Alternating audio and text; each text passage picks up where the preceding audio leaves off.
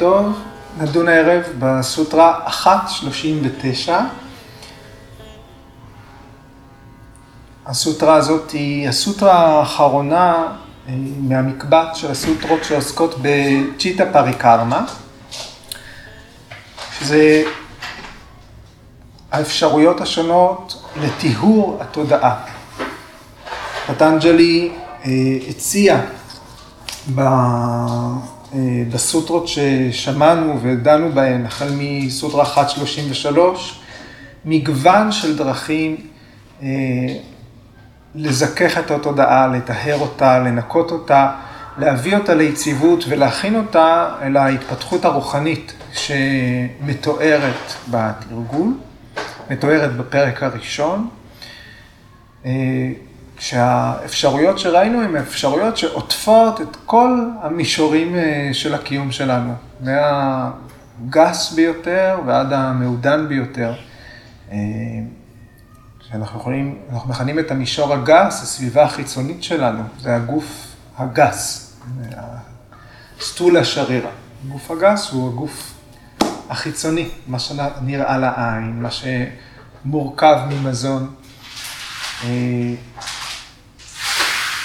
וההצעה הראשונה הייתה איך ההתנהלות שלנו בסביבה שאנחנו חיים, הייתה ביחס לאיך שאנחנו מגיבים לדברים שקורים אה, מול אנשים אחרים, להתנהלות החברתית שלנו. אפשר להגיד מקבילה של ימה, של האיבר הראשון באשטנגה יוגה, התנהלות בחברה.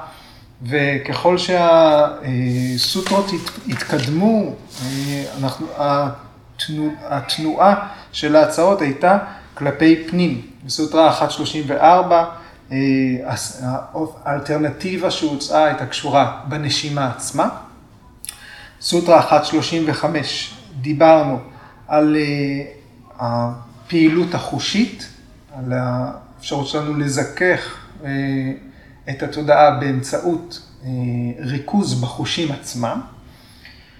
בסוטרה 36 דיברנו על הלב, על החוויה הפנימית של אה, אור ואי צער, שכבר שם התחלנו לדבר על הנשמה.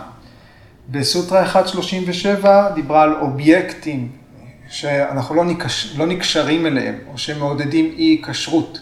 שהמסורת הציעה בעיקר דמויות מעוררות השראה, ואת אנשים אחרים שעברו את התהליך, שהמיינד שלהם הוא כזה, שאנחנו יכולים להכיר אותם, אה, לצלול לעומק בהיכרות איתם.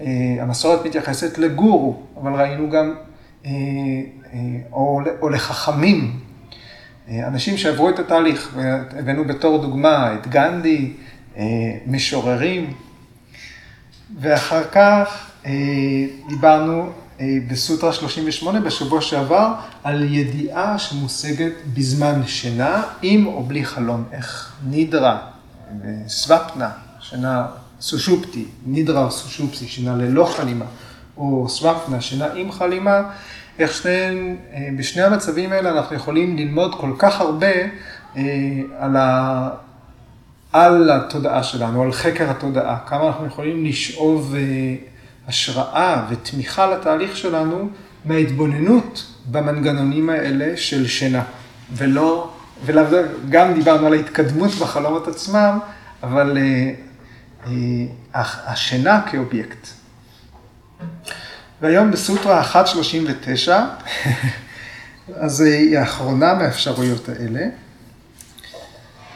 אה, כאילו, בגלל שזה מסודר אה, מבחוץ כלפי פנים, אז עד עכשיו בטקסטים זה היה מבחוץ כלפי פנים, אז זה לא היה או זה היה קודם תעשו את זה ואז תעשו את זה ואז, ואז תעשו את זה.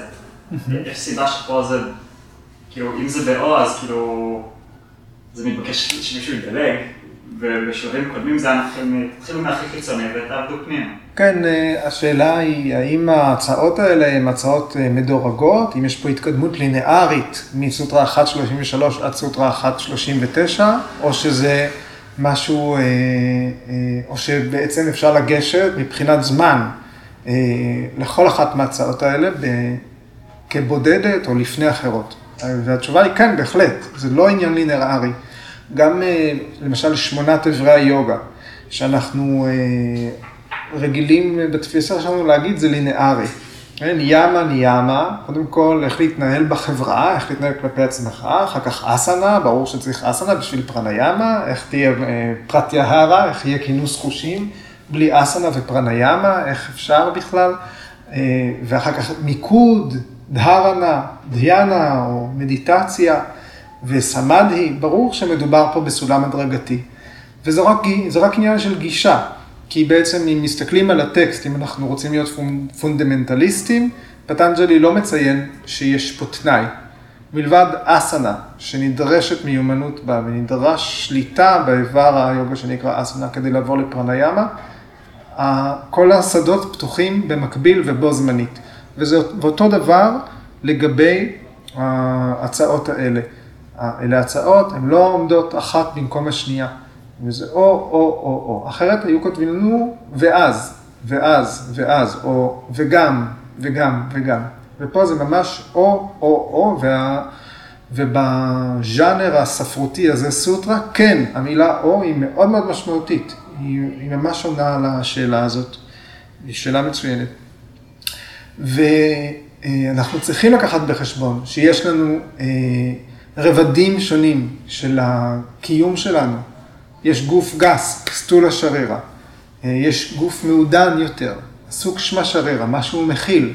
אנחנו, אם אנחנו מתייחסים למעטפות התפקודיות של הגוף, הגוף הגס, הסטולה שרירה, אה, הוא כולל את הגוף האנטומי, גוף שב, שזה אנה מאיה קושה, אנה זה מזון. לכן אני אומר, הגוף שבנוי ממזון. התאים, המפרקים, השלד, השרירים, מה שנראה לעין. והמעטפת השנייה שנכללת בתוך גוף גס זה המעטפת הפרנית. פרנה מאיה קושה, בעצם כל התפקוד, אם מדברים מבחינה תפקודית, התפקודים האנטומיים של הגוף. התפקודים האנטומיים, האוטונומיים, סליחה, התפקודים האוטונומיים של הגוף ושל ה mind. כל מה שקורה באופן אוטונומי, זאת אומרת על ידי פרנה, בגלל שאנחנו חיים. אז המעטפת הזאת נקראת המעטפת הפרנית, פרנה מאיה קושה. והגוף המעודן שלנו, סוג שמה שרירה, הוא קומס בתוכו שלוש מעטפות. זאת אומרת, מעודנות יותר ופנימיות. ואלה, אה, אה, סליחה, זה, אלה יהיו שתי מעטפות. שתי המעטפות, אה, מנו מאיה קושה וויניאנה מאיה קושה. מנו מאיה קושה, המעטפת המנטלית, ה mind, הכישורים המנטליים שלנו. בתוך זה, תשומת הלב, זרימת המחשבות, הבלגן של המחשבות, הן כל התוכן, הזיכרונות. המנו מאיה קושה היא מעטפת אה, נכבדת בתכולה שלה, וויניאנה מאיה קושה היא המעטפת של הכישורים התבוניים שלנו, בודהי, אינטלקט, אה, ובעצם היא זאת שיכולה לרומם אותנו. דרך אה, ההבנה דרך המיומנויות התבוניות שלנו, אנחנו יכולים לרומם את עצמנו מעל הביצה היומיומית ששואבת אותנו בחזרה, שמטביעה אותנו. זה, כל אלה בגוף המעודן, ו, ו, וכן, צריך לטהר אותם, לנקות אותם, להשקיע בהם, להכיר אותם, לחקור, להכיר את השדות האלה. המעטפת החמישית נקראת אננטה מאיה קושה. ובין הגופים, בחלוקה הזאת של גופים, הגוף הגס טולה שרירה, הגוף המעודן סוקשמה שרירה, כאן הגוף המעודן ביותר הוא קראנה שרירה, שהתרגום המילולי של קראנה זה איך שדברים קורים, או קרא, מהמילה קרמה, פועל של עשייה, אבל כאן אנחנו מדברים על הסיבה. המעטפת הפנימית ביותר קשורה בגוף, אנחנו נגיד בעברית, הגוף הסיבתי. למה אני כמו שאני? למה? אנחנו, אה, אם אנחנו ממשילים את זה לעבודת הגוף, ניקח את הגוף כמשל, מישהו יכול אה, לדעת שהוא למשל צריך למתוח היטב את שרירי הזרועות, זה משהו שקשה לעשות, יש נוקשות בכתפיים, אנחנו עובדים על זה, אנחנו משקיעים בתרגול, אבל אחרי כמה ימים, אם אנחנו לא נתרגל, או שעבר זמן מאז הפעם האחרונה שהשקענו, הגוף חוזר לעצמו. ואת השרירים שהתכווצו, אפילו ששידרנו להם, הסברנו להם, השקענו בהם, וואו, אני מוצא את עצמי שוב באותו גלגל חוזר. אז אנחנו צריכים להתחיל לעבוד, זאת אומרת שיש פה עבודה שדרושה לא רק על הגוף הגס, לא רק על ההבנה, אלא על הסיבה של הדברים. יש סיבה לדברים, והיא חלק מהגוף שלנו. היא גוף עוד יותר מעודן שנמצא בתוכנו. ולשם התרגול שלנו צריך לכוון. אז זה נקרא סוג, אה, אה, קרן השרירה, המעטפת אננדה מאיה קושה. היא הפוטנציאל שלנו לתקשר עם הקוסמוס, עם היקום. אה, והמילה אננדה מתייחסת לאושר, את לאפשרות שלנו להיות מאושרים, שנרומם את עצמנו מעל הכל. בתוך תוכנו אנחנו מחזיקים את זה, ועל זה מדבר כל הזמן מתחילת המסמך ועד סופו, כל התהליך. אז כשאנחנו בוחרים אופציה, יכול להיות שאנחנו לא תמיד נשקיע בגוף הגס ביותר, לא תמיד נשקיע בסיבות החיצוניות. התהליך יכול ללכת קדימה ואחורה. אם אנחנו עובדים על, על אם אנחנו מקבלים איזושהי תובנה על תהליכים פנימיים עמוקים יותר שלנו, בטח שאם נחזור איתם אל עבודת שרירי כתפיים, כן, אנחנו אה, נהיה הרבה יותר אה, יעילים בתהליך שלנו. אוקיי, סוטרה 1.39, נראה את המילים שמכילות אותה, שהיא מכילה, ונדבר על משמעותה. יתא אבהימתא דיאנד ו. ו זה או, יתא, משמעות שלה זה כמו. יתא זה כמו, אבהימתא, אבהימתא, השורש של המילה מסתתר פה, והוא מן. מן כמו מנס, כמו mind, לחשוב. מן הוא השורש לחשוב. ואבהימתא זה משהו שהוא אה, מקובל עלינו, מוסכם, משהו מקובל, accepted, מקובל, agreeable, משהו רצוי, משהו שמספק אותנו, זה אבהימתא. אבהימתא, משהו מוסכם, משהו מקובל. וכמו משהו מקובל, יתנא אבהימתא, אז אנחנו מדברים על משהו שרצוי, משהו ש... שאנחנו בוחרים, משהו מספק. לפי, ונכנסת פה בהקשר של הסוטרה, לפי הרצון של מישהו, לפי הטעם של מישהו. יתא אבימטה. דיאנד, אז יש פה את המילה דיאנה, כן? שהשורש שלה, אם אנחנו מפרקים, דה זה להחזיק, ודהי סליחה, דיאי.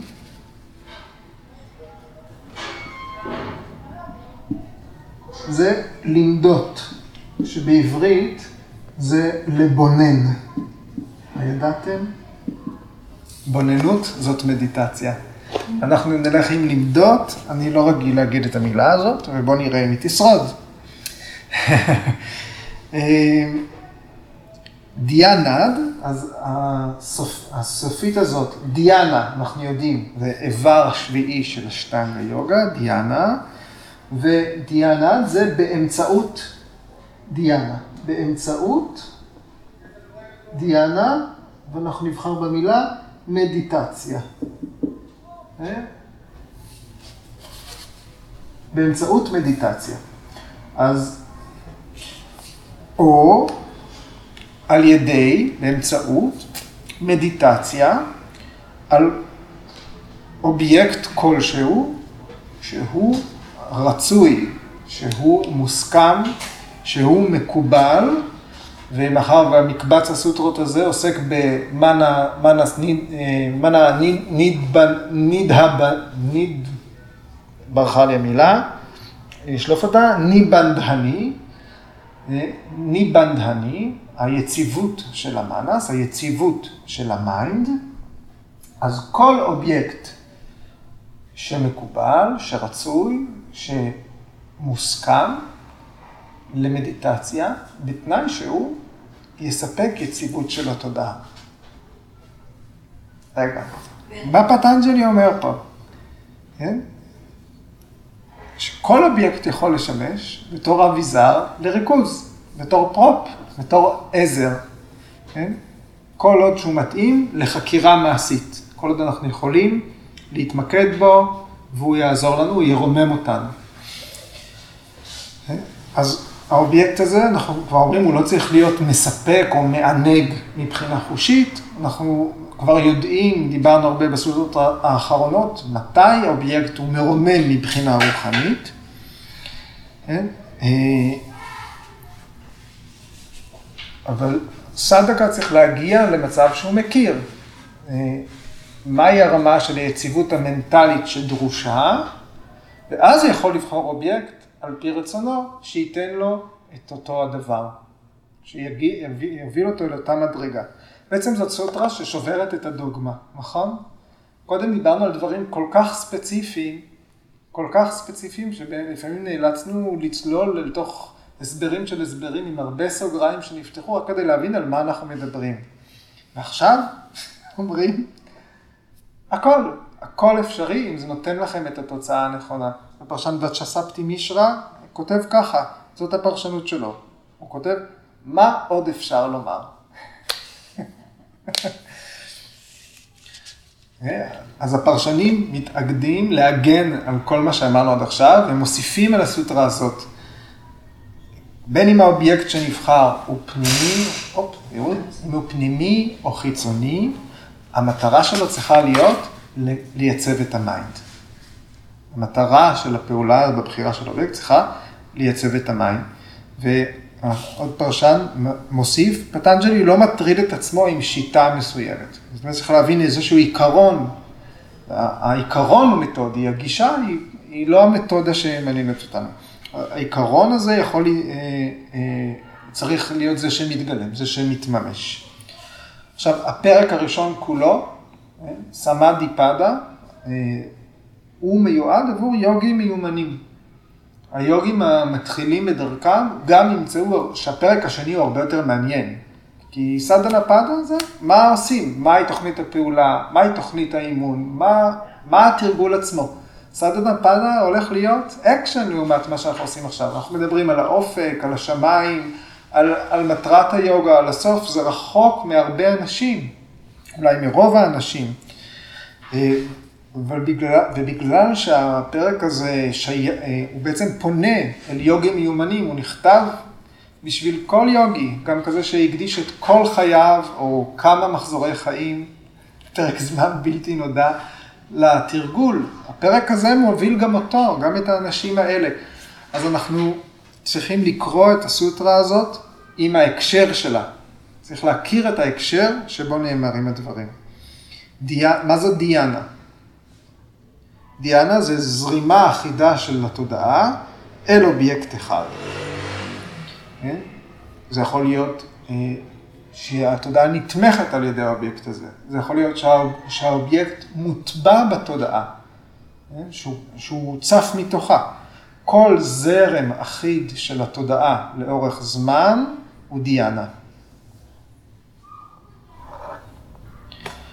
כדי לנקות את התודעה, עכשיו פטנג'לי אומר, ניתן לקחת כל דבר שמתאים באותו רגע. וויאסה כותב ככה, עם זאת, פטנג'לי אמר ככה, אבל עם זאת, על ידי בחירת כל דבר שמקובל עליכם, אם הצ'יטה יכולה להגיע לזרימה אחידה. יש איזושהי מיומנות שנרכשה במקום אחד, ועל כן במקום אחר יהיה קל יותר להגיע ליציבות. כלומר, המיומנות של הדיאנה, של דיאנה, של זרימה יציבה של התודעה, היא נרכשה למשל בטכניקות הקודמות שתוארו. כן? ועכשיו ניתן ליישם אותה במקום אחר. אז לשאלתך, סוטרה 39, כן, הפרשנים אומרים שהאופציה הזאת תלויה בהיכרות עם מה זה בכלל תודעה יציבה. אחרת, איך תבחר כל אובייקט? זה לא יקרה באופן ספונטני. אם תבחר בנשיפה ארוכה באופן ספונטני? אם תבחר בריכוז על, ה, אה, על אה, אור פנימי ומצב חסר צער שבוקע מתוך הלב, יכול להיות שבאופן ספונטני תחווה מה זו דיאנה. אבל אי אפשר להתחיל בעבודה, אה, בתרגול הזה, על אובייקט רנדומלי, או על אובייקט שעוד אין לנו את הכלים לבחור בו, כי אנחנו לא יודעים מה צריכה להיות התוצאה.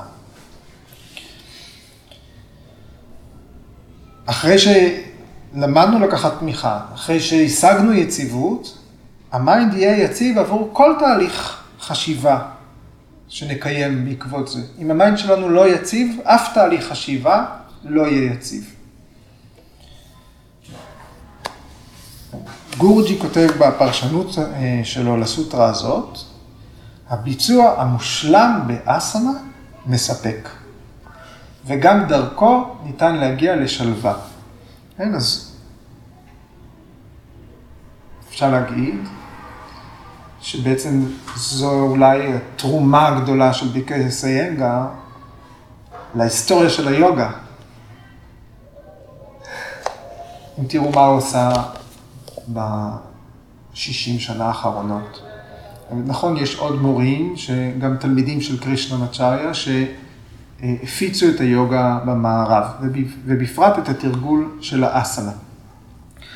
אבל אה, גורג'י אה, כתב, דיבר והדגים איך באיבר השלישי של היוגה, של השטנגה יוגה באסנה, אה, הכל יכול להתקיים. זאת אומרת, הוא בחר באסנה בתור אובייקט חלופי למדיטציה.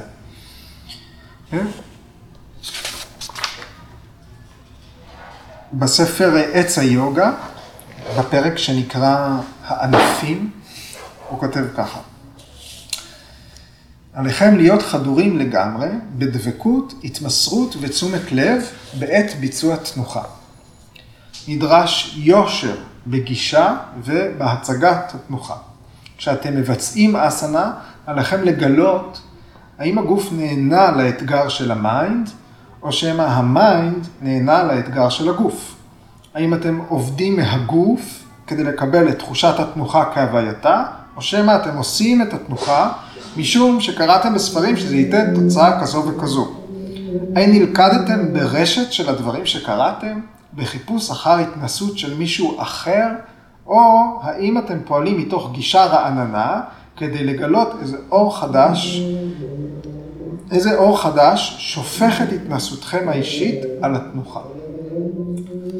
פרט ליושר המוחלט הזה, עליכם להיות בעלי אמונה פנימית כבירה, אומץ, נחישות, מודעות והתעמקות לאין שיעור. עם איכויות כאלה בתודעתכם, בגופכם ובלבכם, תעשו את התנוחה היטב. על האסנה לקדש את הווייתכם כולה בזוהר וביופי. זהו אימון רוחני בלבוש פיזי. והעברית היפה של אייל שפרוני. אז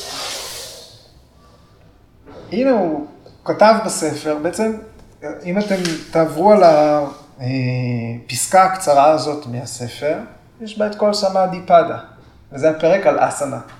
הוא ממש כותב איך כל המיומנויות, כל הטכניקות שדיברנו עליהן, כל השלבים, כל התכונות שצריך להשיג, כל צריך לקיים בתוך עבודת האסנה. אז אם מסתכלים על ההיסטוריה של היוגה, זאת חדשנות. בסוטרה 34, אז פטנג'לי הציע למשל את הנשימה בתור אובייקט. כן, אז אנחנו יכולים להגיד, אוקיי, זה מזוהה עם האיבר הרביעי, עם פרניאמה. כן, והסוטרה הזאת אומרת, כל אובייקט מתאים לנטייה של המתרגל לשמש בתור אה, קרש קפיצה למדיטציה. כן? אבל ההתייחסות הזאת לאסנה, אה, היא מגובה לגמרי על ידי כל הדברים האחרים שפטנג'לי כותב. ולכן, בגלל שהיא מגובה, זה לא ממניעים שטחיים, כן? היא אה, תרומה לעולם היוגה. אה, זה מאפשר להרבה אנשים להשתתף בתהליך של היוגה, בתוך התרבות של המיינסטרים שלנו. כי אם לא היו את האסנות המושכות, כי הצורה החיצונית היא מושכת, כן, אז לאנשים הרבה פעמים בכלל לא היה עניין בתהליך. כן? אבל לפעמים אנשים מגיעים ליוגה בגלל הסיבות הפיזיות, כן? או בגלל בריאות, זו גם סיבה פיזית, זאת לא סיבה רוחנית. אבל לא חשוב המניע. אם ה mind הגיע בתוך עבודת אסנה נכונה, שמבוסס, שמושתתת על עקרונות הפילוסופיים הנכונים, ה mind יכול להגיע לשלווה, יכול להגיע ליציבות. זה לא משנה מה המניע, בסופו של דבר, המטרה של היוגה יכולה להתגשם. ברגע שה mind מגיע ליציבות בתחום אחד, הוא יכול לעבור גם ליציבות, היציבות הזאת תשפיע על אזורים אחרים. הטבע הסטווי של ה mind יכול להופיע. התכונות הסטוויות, אה, צלילות, אה, תבונה, הם יגיעו בהדרגה. אוקיי.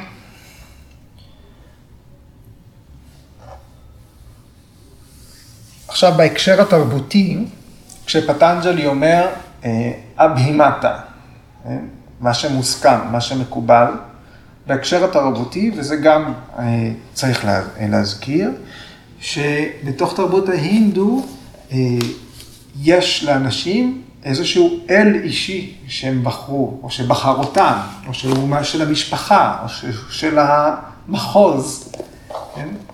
ויש פה קשר גם לבחירה הדתית מבחינת אה, ההקשר התרבותי. אז יש פה, שוב, הסכמה לזה שיש בחירה אישית, אבל התנאי הוא שהאובייקט שבוחרים הוא צריך להיות אצילי, מרומם, כזה שיכול להעניק התעלות לתודעה. למי שהחיים הרוחניים שלו הם מאורגנים סביב דמות אלוהית, זה באופן טבעי תהיה הבחירה שלו.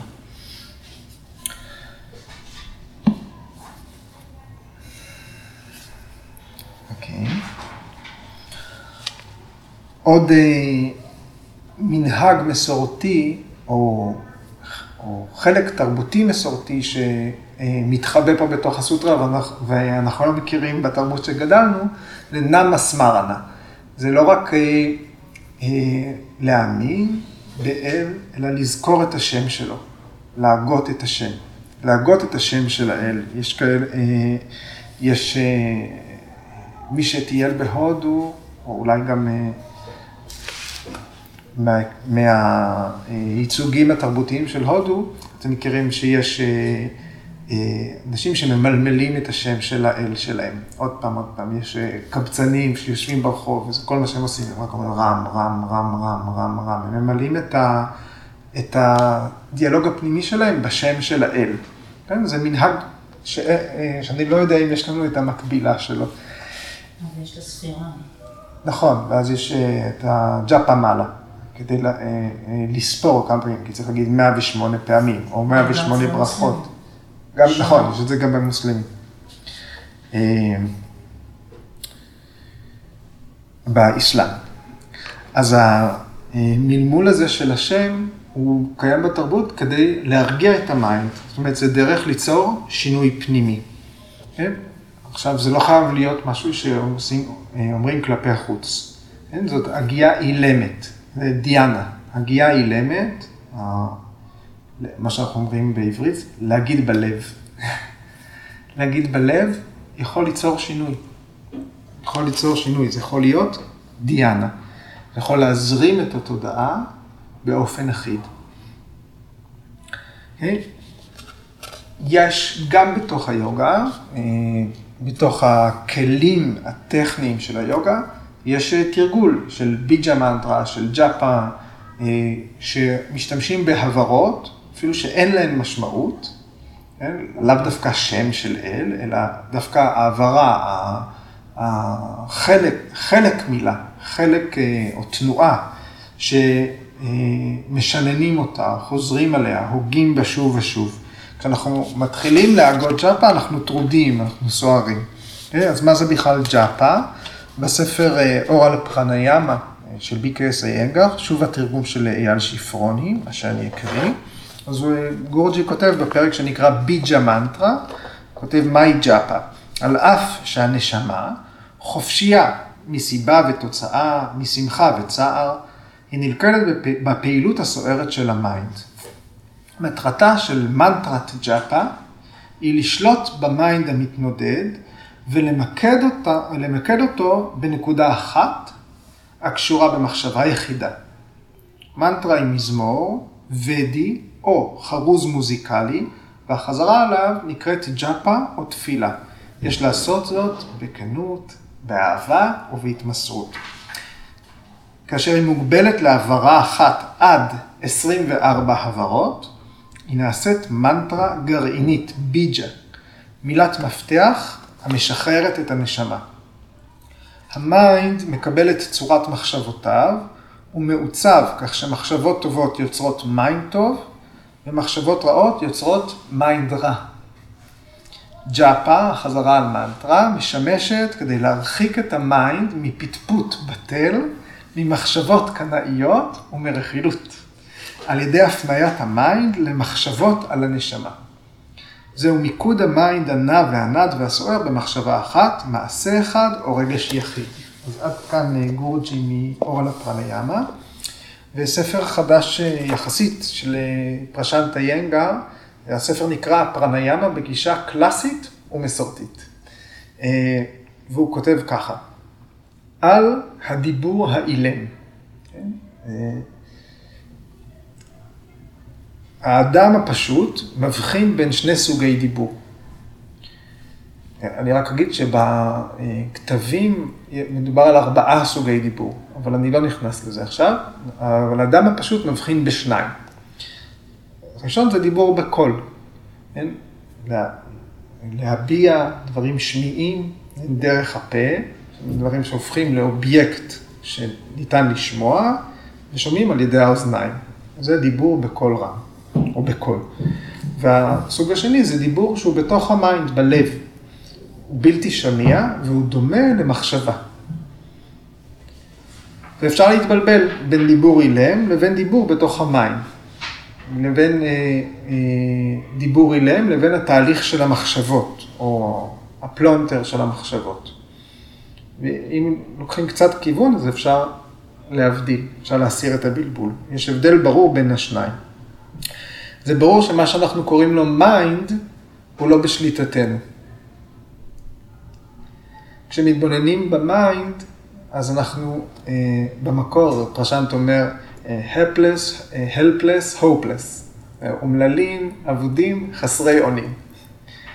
ה mind שלנו מוביל אותנו לסבל גדול, כמעט אין לנו שליטה על המחשבות, ולעיתים קרובות אנחנו הופכים לצופים חסרי אונים ב mind הסוער שלנו. אם מחשבה תופיע או לא תופיע ב mind, זה לא באמת בידינו. שליטה עצמית על ה mind היא סימן להשגת מדרגה גבוהה בהתפתחות רוחנית. זה לא המקרה בדיבור אילם. כן? דיבור אילם או דיבור בלב הוא תחת שליטתנו, כמו דיבור בקול. אנחנו לא אומללים, אבודים וחסרי אונים בדיבור אילם, כמו שאנחנו בתוך סבך המחשבות. כן? לדיבור אילם יכולה להיות אג'נדה, יכול להיות לנו תכנון. הזכות לפעול היא שמורה לנו. אז תהליך ההתפתחות קשור לדיבור אילם. כשדיבור אילם פעיל, יש לו איזושהי שליטה מסוימת ב mind, בסבך של המחשבות. אנחנו יכולים לרכוש כך שליטה על ה mind השובב. כשהחשיבה שלנו מזוקקת וברורה, היא מקבלת אופי של דיבור אילם. אם הדיבור הפנימי מקבל תפקיד ראשי, אז ה mind הופך להיות שחקן חיזוק. Okay? אוקיי? אז עד כאן אה, פרשנט מה, מהספר שלו. כשאנחנו מבטיחים לעצמנו משהו? אה, אז אנחנו עושים את זה במילים ברורות. כן? אה, מתי... מתי תסדר כבר את הבוידן? אחרי החגים. Okay? אבל אה, אחרי החגים אני אתחיל לתרגל יוגה. זאת אומרת, כל יום, או פעם בשבוע, אני אתמיד. כן? אנחנו, כשאנחנו עושים איזושהי הבטחה, החלטה, שיש לנו תהליך של חשיבה ברורה, הוא בא עם מלל ברור. אחרת, זה בלאגן. כל הדברים שאנחנו לא מצליחים להחליט, הם לא, המלל שלהם הוא לא מובחן כמו דיבור פנימי. אז כמובן המשפטים מחולקים למילים, המילים מחולקות להעברות, והעברות הן בנויות מתנועות ויצורים. קשה לנו מאוד אה, אה, להבין איך אומרים משהו, בפנים או בחוץ, כשהוא רק מורכב מיצורים. בגלל זה יש מילים כמו המילה הזאת, SMRT, או אתם רוצים סמ"ם ר"ט, שאיך אומרים אותה בכלל. יש מקור להרבה טעויות. אז היא נאמרת סמריטי, סמריטי. בלי העברות אנחנו אבודים. אנחנו, אה, העברות הן אלה שנותנות לנו את, ה, את העוגנים. אז אם אנחנו מחפשים איך מלל פנימי מתחיל להיות מאורגן, הוא יהיה מאורגן, כן, יהיו בו יצורים, אבל יהיו בו הברות. ונדרשת וה, תנועה כדי שזה יהיה דיבור, בין אם הוא חיצוני או פנימי. אה, אז ג'אפה, התרגול הזה של הגייה אילמת, כשהוא תרגול, כשהוא משהו טכני שעושים, הוא תמיד קשור בתנועה. כל התנועות שאנחנו אה, אומרים, מדברים, תמיד מתחילות דרך הגרון. יצורים יכולים להיות בחללים שונים של הגיית, של ההפקה הקולית, כל התנועות מתחילות מהגרון. אה, הגרון זה וישודי צ'קרה. עכשיו, כשיש אה, דיבור פנימי סוער, כשיש אה, מים סוער, בלגן של מחשבות בפנים, זה, הרבה פעמים אנחנו נראה שיש מתח באזור של הגרון, בתוך האסנה. או לח... וזה כביש דו-סטרי, אנחנו יכולים, אה, אנחנו שומעים גם בשיעורים הרבה פעמים את ההנחיה, לרכך את הגרון, לשחרר את הגרון, שיהיה רך, שלא, יהיה, שלא יחזיק בתוכו את המתחים. באמצעות זה אנחנו מרגיעים את הדיבור הפנימי, אנחנו מרגיעים את החשיבה. כן? יש פה גם את השורש של, אה, של חוט השדרה. באותה קומה בגוף יש את הקשר בין המוח לבין כל שאר הגוף. אז אם יש מתח שיושב באזור הזה, אז תהיה איפשהו הפרעה. והתרגול הזה, שניתן ללמוד אותו לעומק, אה, באמצעות אה, הגייה אילמת של עברות, אפשר להגיע לאזורים שונים בגוף, עם התנועה הנכונה. אה, אפשר לבחון את הקשרים האלה. אוקיי, זו תורה מסורתית שלמה והיא בפני עצמה. וראינו דוגמה לתרגול של ג'אפה, אה, של שינון הברה בסוטרות 27-28. שם זה הפרה מהווה, העברה אום, שדיברנו אה, אה, על ההשפעות שלה, שהיא עוטפת קול, שהיא קשורה ביסוד החלל, שהיא קשורה בתחושת חופש ומרחב, מייצגת את העיקרון הכל יודע, הכל יכול, נוכח בכל. עכשיו, ה mind שלנו, כשמתחיל לתרגל ג'אפה, הוא מתחיל להשתולל. אם עכשיו תתחילו להגיד לעצמכם רם, רם, רם, זה לא מיד יהיה מרגיע. אבל יש בתוכנו חלקים שצריכים את זה.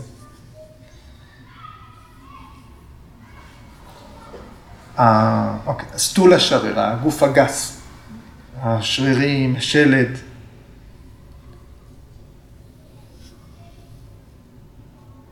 הגוף הגס רוצה מנוחה, הוא רוצה להתעמל, הוא רוצה לאכול, רוצה ליהנות, רוצה לרפא, רוצה להתרוקן, רוצה, רוצה לישון, כן? רוצה להתרבות, הוא רוצה קצת להתבטל, כן? ואנחנו מספקים לו את כל הדברים האלה באמצעות פעולות שאנחנו עושים.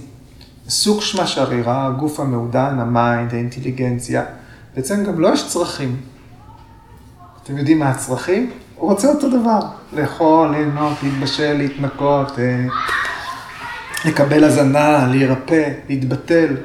כן? התרגולים של ג'אפה הם עובדים ישירות על סוג שמה שרירה, ישירות על הגוף המעודן. אוקיי, אז עד כאן על ג'אפה מנטרה. ועכשיו המילה דיאנה שמופיעה בסוטרה. דיאנה היא לא מדיטציה. דיאנה היא גם מדיטציה, אבל המילה מדיטציה על אף שהשתמשנו פה במילה מדיטציה. דיאנה היא מושג רחב יותר. אנחנו צריכים לדעת להבין את דיאנה בתור דיאנה. בעצם אין מילה שמייצגת בשפה אחרת מה זה דיאנה. אז אנחנו צריכים לדעת להבדיל בין דיאנה לבין מדיטציה. אחרת, איך נדע לבחור אובייקט שמאפשר דיאנה, או לתרגל דיאנה בתמיכה של אובייקט מתאים? כי דיאנה ומדיטציה אלה שני דברים שונים. דיאנה מכילה בתוכה מדיטציה, אבל דיאנה היא לא מדיטציה.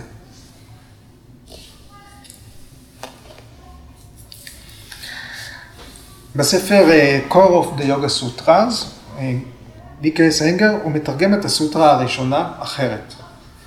הוא אומר ככה, עתה יוגה נושסנה, הוא כותב, תשומת לב מוחלטת ותרגול של התבוננות על המערכת המתוארת של היוגה היא הדרך ליוגה. כי יוגה היא אך ורק דיאנה.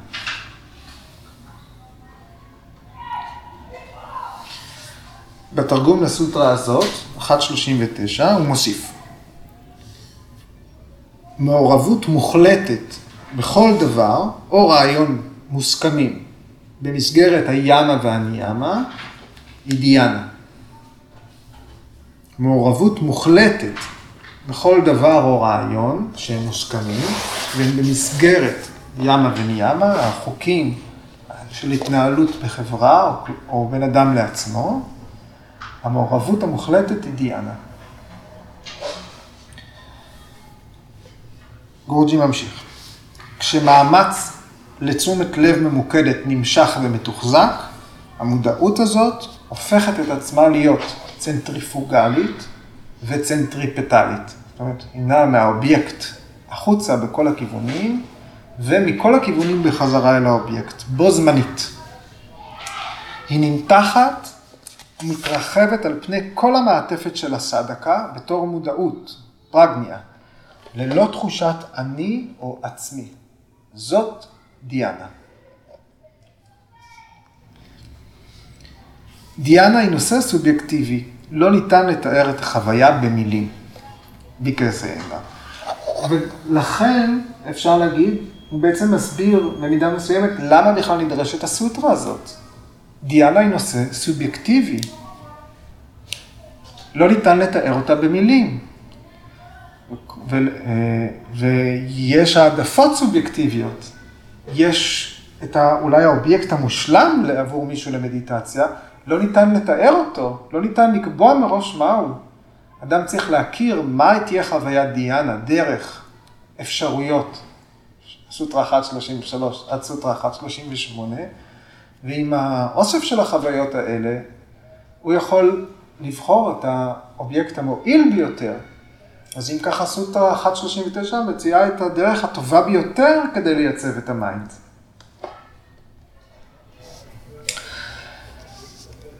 כשאנחנו חושבים על דיאנה, אנחנו מיד אומרים, זה האיבר השביעי אה, באשטנגה יוגה, כי אנחנו מכירים את המילה בעיקר משם. כן? ימה ניאמה אסנה פרניאמה, פרטיה הרד, הרנה דיאנה סמאדי. כן? דיאנה. עכשיו, אם זה האיבר השביעי, אפילו שבשום מקום לא כתוב שזה סדר לינארי, עדיין אם זה רגע לפני סמאדי, אנחנו מרגישים אה, לא מיומנים מספיק, אנחנו מרגישים לא מוכנים. למה עכשיו אני צריך לדבר ולחשוב ולהכניס את עצמי למחשבה על משהו שמאוד רחוק ממני וקשה לי ואולי אני בכלל לא מסוגל לעשות, ואני גם לא מבין בדיוק מה זה. בוא נדבר על דברים שקל לנו להבין. אולי אף פעם לא נהיה מוכנים לדיאנה. כן? אז הפרשנות הפשוטה היא באה למטרה פרקטית, כדי שנבין מה זה, שנוכל לחוות משהו מתוך זה. אז אנחנו לוקחים את המשמעות הפשוטה שהיא מדיטציה. אז, אז דיאנה משמשת בתור מונח טכני. עכשיו, מה זה מדיטציה?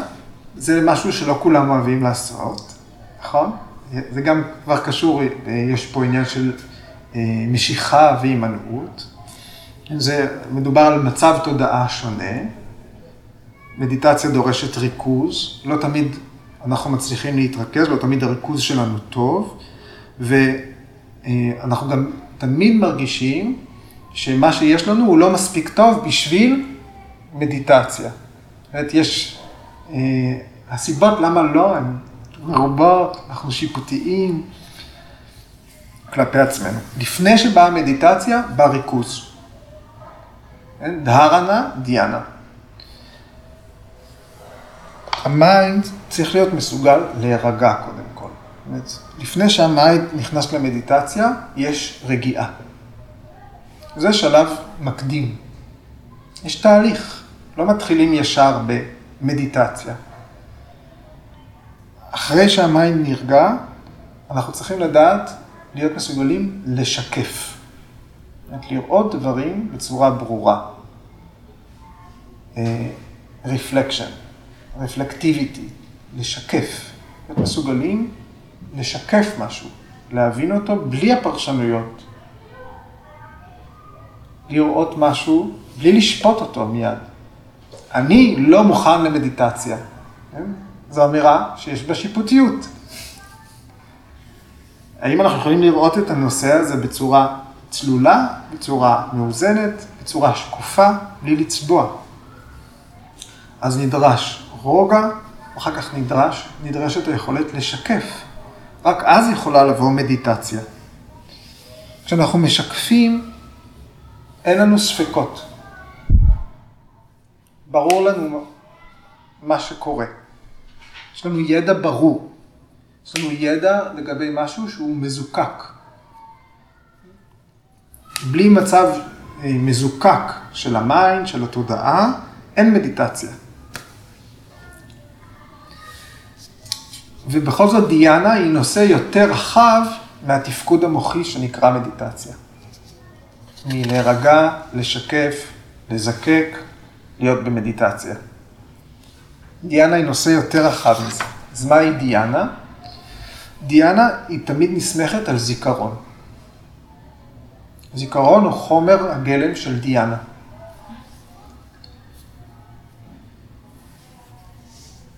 זה יכול להיות, דיאנה יכולה להיות כל מחשבה, כן? אה, זה יכול להיות כל תפיסה חושית, כל תחושה, בין כל אה, חמשת היסודות של הטבע המעודנים, ראייה, שמיעה, הערכה, מגע. לפעמים אה, אובייקט, צורה יפה, פרח יפה, נוף, כן? משהו שמרומם אותנו מהביצה של היומיום, ממצב מדוכדך, זה יהיה דיאנה. אה, דיאנה זה כשהמיינד עולה ממצב שאנחנו יכולים להגיד שהוא תת-נורמלי למצב נורמלי. אם אנחנו מדוכדכים, משהו מרים אותנו, זאת דיאנה. זאת גם דיאנה. זה לא רק הפעולה של התפיסה של הנוף. אם אני רואה נוף נפלא, רחב ידיים, הכל פרוס עד האופק. זה לא רק הפעולה של התפיסה, משהו בפנים משתנה. המים משתנה, המחשבות משתנות. מישהו אחר יכול להשתמש במילים כדי לרומם אותנו, כדי להרים אותנו. אנחנו יכולים לקבל עצה טובה, להתרומם. זאת תהיה דיאנה. מי שאומר משהו חכם, שאומר דברי חוכמה. אנחנו שומעים דברי חוכמה, והתהליך מחשבה שלנו משתנה. תהליכי הניתוח שלנו משתנים. אנחנו מתחילים לראות את הדברים אחרת. משהו בתוכנו מתרומם. אז זה לא רק הפעולה של השמיעה. אם עכשיו נשים מכשיר הקלטה בחדר, מכשיר ההקלטה לא יקרה כלום. יכול לשמוע את אותו דבר שאנחנו שומעים. ה mind הוא זה שמשתנה. התגובה הפנימית שלנו משתנה. כמו אה, סמים פסיכדליים. כן? אפשר לקחת סם פסיכדלי ומשהו ישתנה. יש ניסויים פסיכדליים, ניסויים שהמטרה שלהם לשנות את התודעה. דיאנה זה תהליך של שינוי התודעה.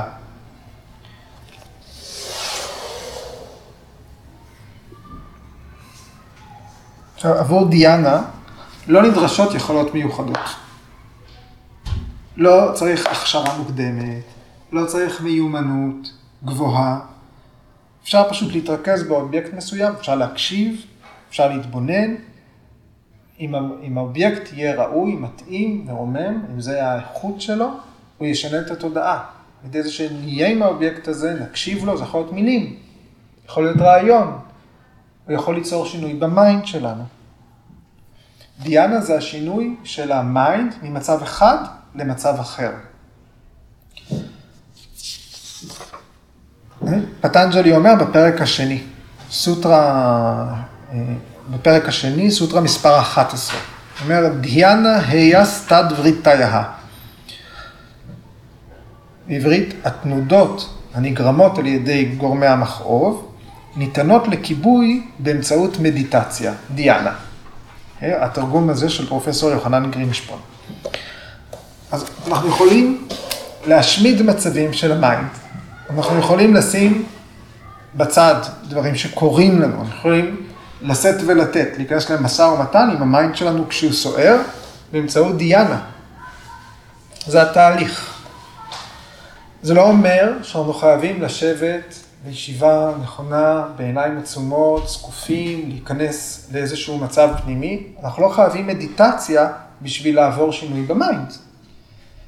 אם ה mind שלנו סוער ומופרע, הוא יכול להירגע בלי שנשב במדיטציה. זאת תהיה דיאנה.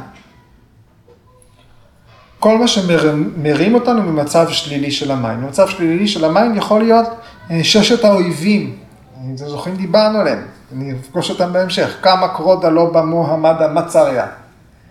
אה, תשוקה, כעס, רדיפת בצע, היאחזות רגשית או התפתות, יהירות, גאוותנות, קנאה. כל מה שמרים אותנו מה, מההתנהגויות האלה זה דיאנה. כל מה שעוצר את ההתנהגויות האלה, משנה את, ה, את ההתנהלות הפנימית שלנו, יהיה דיאנה. בפרק הראשון, פטנג'לי אומר, ה mind יכול להיות שקט. הוא יכול להיות שקט, יש אופציה כזאת. עכשיו אתם כועסים? עכשיו אתם סוערים? עדיין דיאנה יכולה להשפיע. גם אם אנחנו לא נמצאים במצב רע, במצב מדוכדך, במצב כועס, עדיין דיאנה יכולה להרים אותנו. ממצב רגיל, ממצב נורמלי, למצב גבוה יותר. במצב שהוא מעל הנורמלי. אז אם אנחנו אומרים יש מצבים, יש מצב שהוא תת-נורמלי, יש מצב נורמלי, יש מצב על-נורמלי, ויש מצב קוסמי, אוניברסלי. המעברים כלפי מעלה, ממצב למצב, הם דיאנה. אז יש שלושה סוגים של דיאנה. דיאנה ממצב תת-נורמלי למצב נורמלי, דיאנה ממצב נורמלי למצב על-נורמלי, ודיאנה ממצב על-נורמלי למצב קוסמי, אוניברסלי. הדיאנה השלישית היא האיבר השביעי של השטנגה יוגה. אז היא מופיעה בתור האיבר השביעי. כשהיא רגע לפני שאנחנו נספגים לחלוטין. אנחנו מאבדים את ההבדל בין הפנים והחוץ. שתחושת האני, העצמי, מטשטשת לחלוטין. אנחנו כבר לא מזהים את התהליכים שעוברים עלינו בתור תהליכים שעוברים רק עלינו, אלא אנחנו מזהים את עצמנו בתור חלק מהיקום, בזמן הזה. זה יהיה השלב הגבוה ביותר של דיאנה. בשביל לעבור ממצב תת-נורמלי למצב נורמלי לא צריך הכשרה יוגית.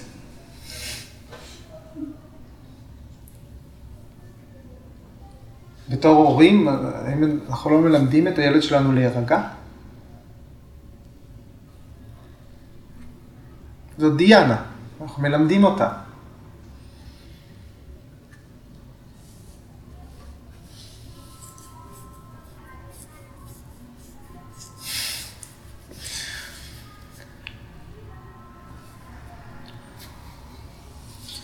דיאנה זה נושא יותר רחב ממדיטציה.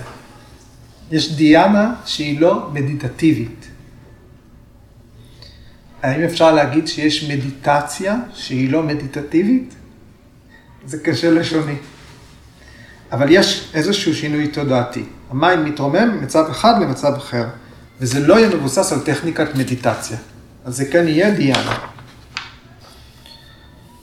כשאנחנו מתרגלים מדיטציה, אנחנו מתבוננים באובייקט.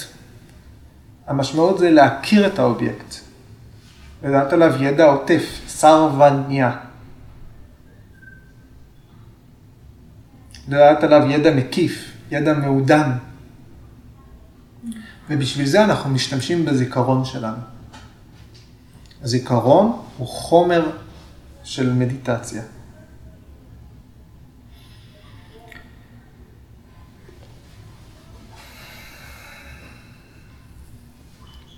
זיכרון הוא תמיד משהו ששייך לעבר. מדיטציה לא עוסקת בעתיד. היא נסמכת תמיד על ידע כלשהו שרכשנו בעבר. הריכוז שלנו באובייקט הוא ריכוז, של אובייקט, הוא ריכוז באובייקט שנחווה בעבר ולא שכחנו. זה זיכרון. זאת ההגדרה של זיכרון. משהו שנחווה ולא נשכח. כשאנחנו שומעים שהמשמעות של מדיטציה זה להיות פה, כאן, עכשיו, בהווה, אל תהיו בעבר, אל תהיו בעתיד, זה לא מדויק.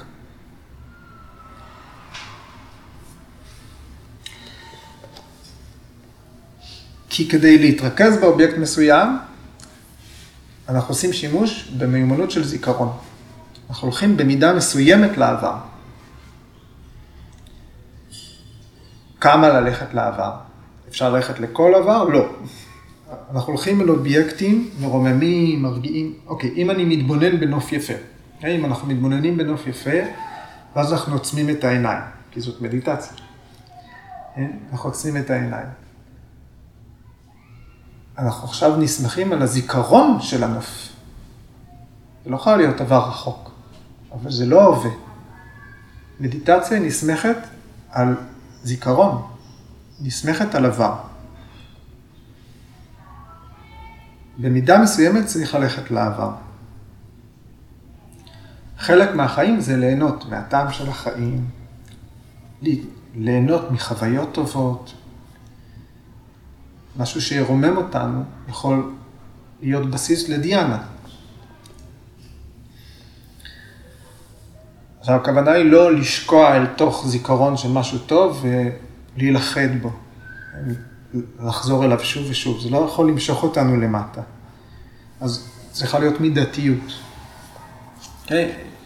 לא כל דבר שעושה לנו טוב, הוא יוביל לדיאנה. אם עכשיו אתם תריחו פופקורן, ה mind שלכם יירגע? לא, הוא יתחיל להשתולל, והוא גם יניע אתכם לפעולה, סביר להניח. יש כאלה שפופקורן לא עושה להם את זה, בסדר. אוקיי.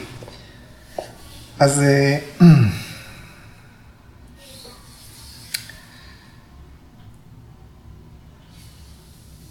החלק האחורי של המוח שלנו הוא המוח, אנחנו רואים הקדום, המוח הזוחלי. זה המוח שמשרת את העבר. והעבר שייך לו. באותו אופן, המוח הקדמי הוא המוח שהעתיד שייך לו. כן? אפשר לנסות את זה. אם אתם, אם עכשיו אה, עולה השאלה, מה קרה כאן עכשיו? מה קרה כאן? אז אתם תמצאו שהמוח האחורי שלכם נהיה פעיל. כן? אם, אם אני שואל אתכם, מה יהיה פה בשנת 2030. החלק הקדמי של הגוף מתחיל להיכנס לפעולה. המוח הקדמי נכנס לפעולה. אברי החושים הם מגיבים יחד עם הפעולה של המוח. מה אתם זוכרים מהשנים שלכם בגן, מכיתה א', מה העיניים עשו עכשיו? מה האף עשה עכשיו? מה האוזניים עשו עכשיו? כשאנחנו מפנים את עצמנו אל העבר, איברי החושים הולכים יחד איתם אחורה, יחד עם הניסיון ללכת אל העבר. העיניים הולכות אחורה, האף הולך אחורה, האוזניים הולכות לאחור. בגלל זה אנחנו מרסנים את איברי החושים כדי ללכת למדיטציה.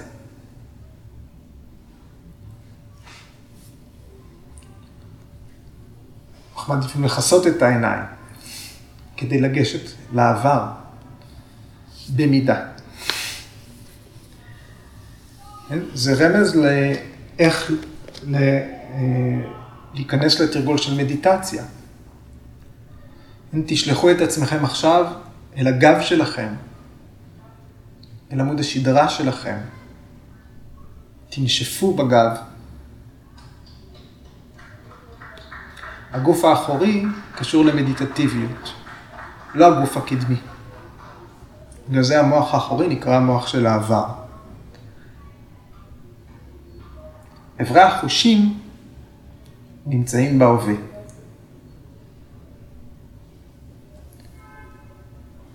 בגלל זה האנטומיה המסורתית ממקמת את אברי החושים במוח בין האחורי והקדמי.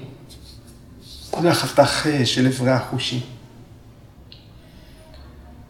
אבל איפה ההווה נמצא במוח?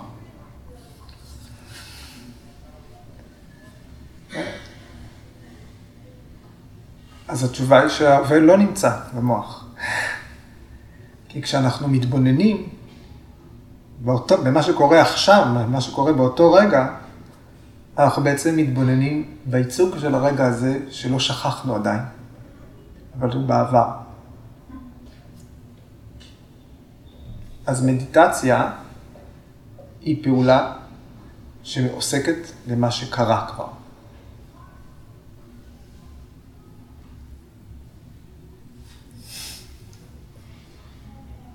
אוקיי, אני אסכם מה שגורדי כותב.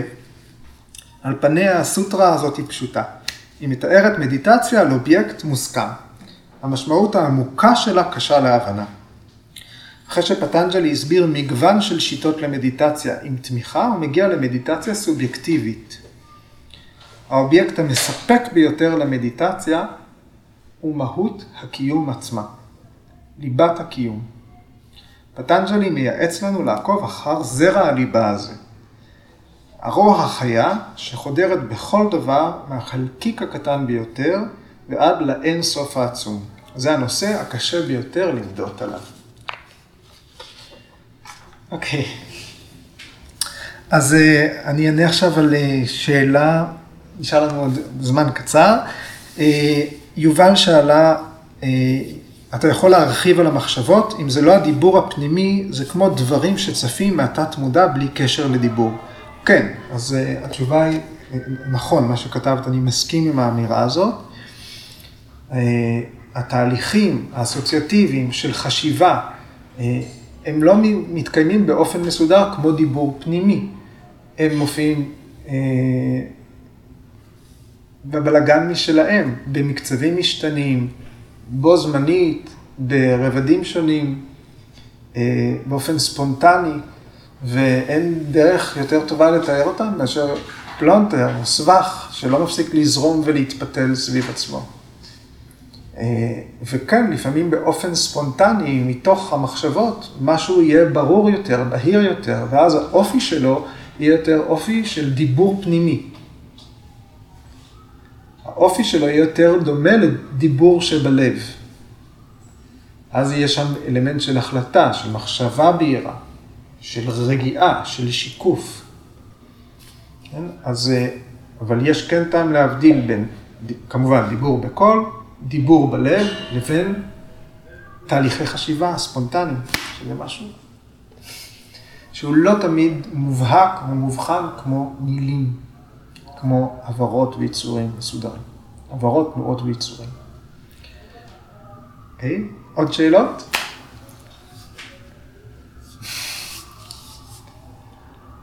אני חושבת שבגלל שהיה פה הרבה מאוד חצים בכיוון הזה, אז המילה התעלות קשורה בזה קצת. התעלות, כן, המילה התעלות בהחלט קשורה. אה, אני בחרתי בהתרוממות או רוממות או מרומם, אבל התעלות היא בהחלט קשורה. אפשר לבחור במילה התעלות.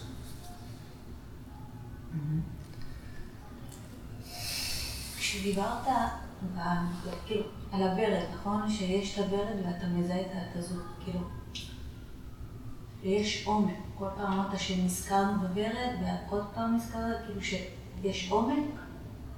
באחת השיחות שלך אמרת לי זה כאילו, שאתה נזכר בוורד, ואז התודעה עוד, כאילו, נכון? היה איזה משהו עם העומק שדיברת עליו? אז איפה זה, כאילו, אם זה זיכרון, אז איפה העומק?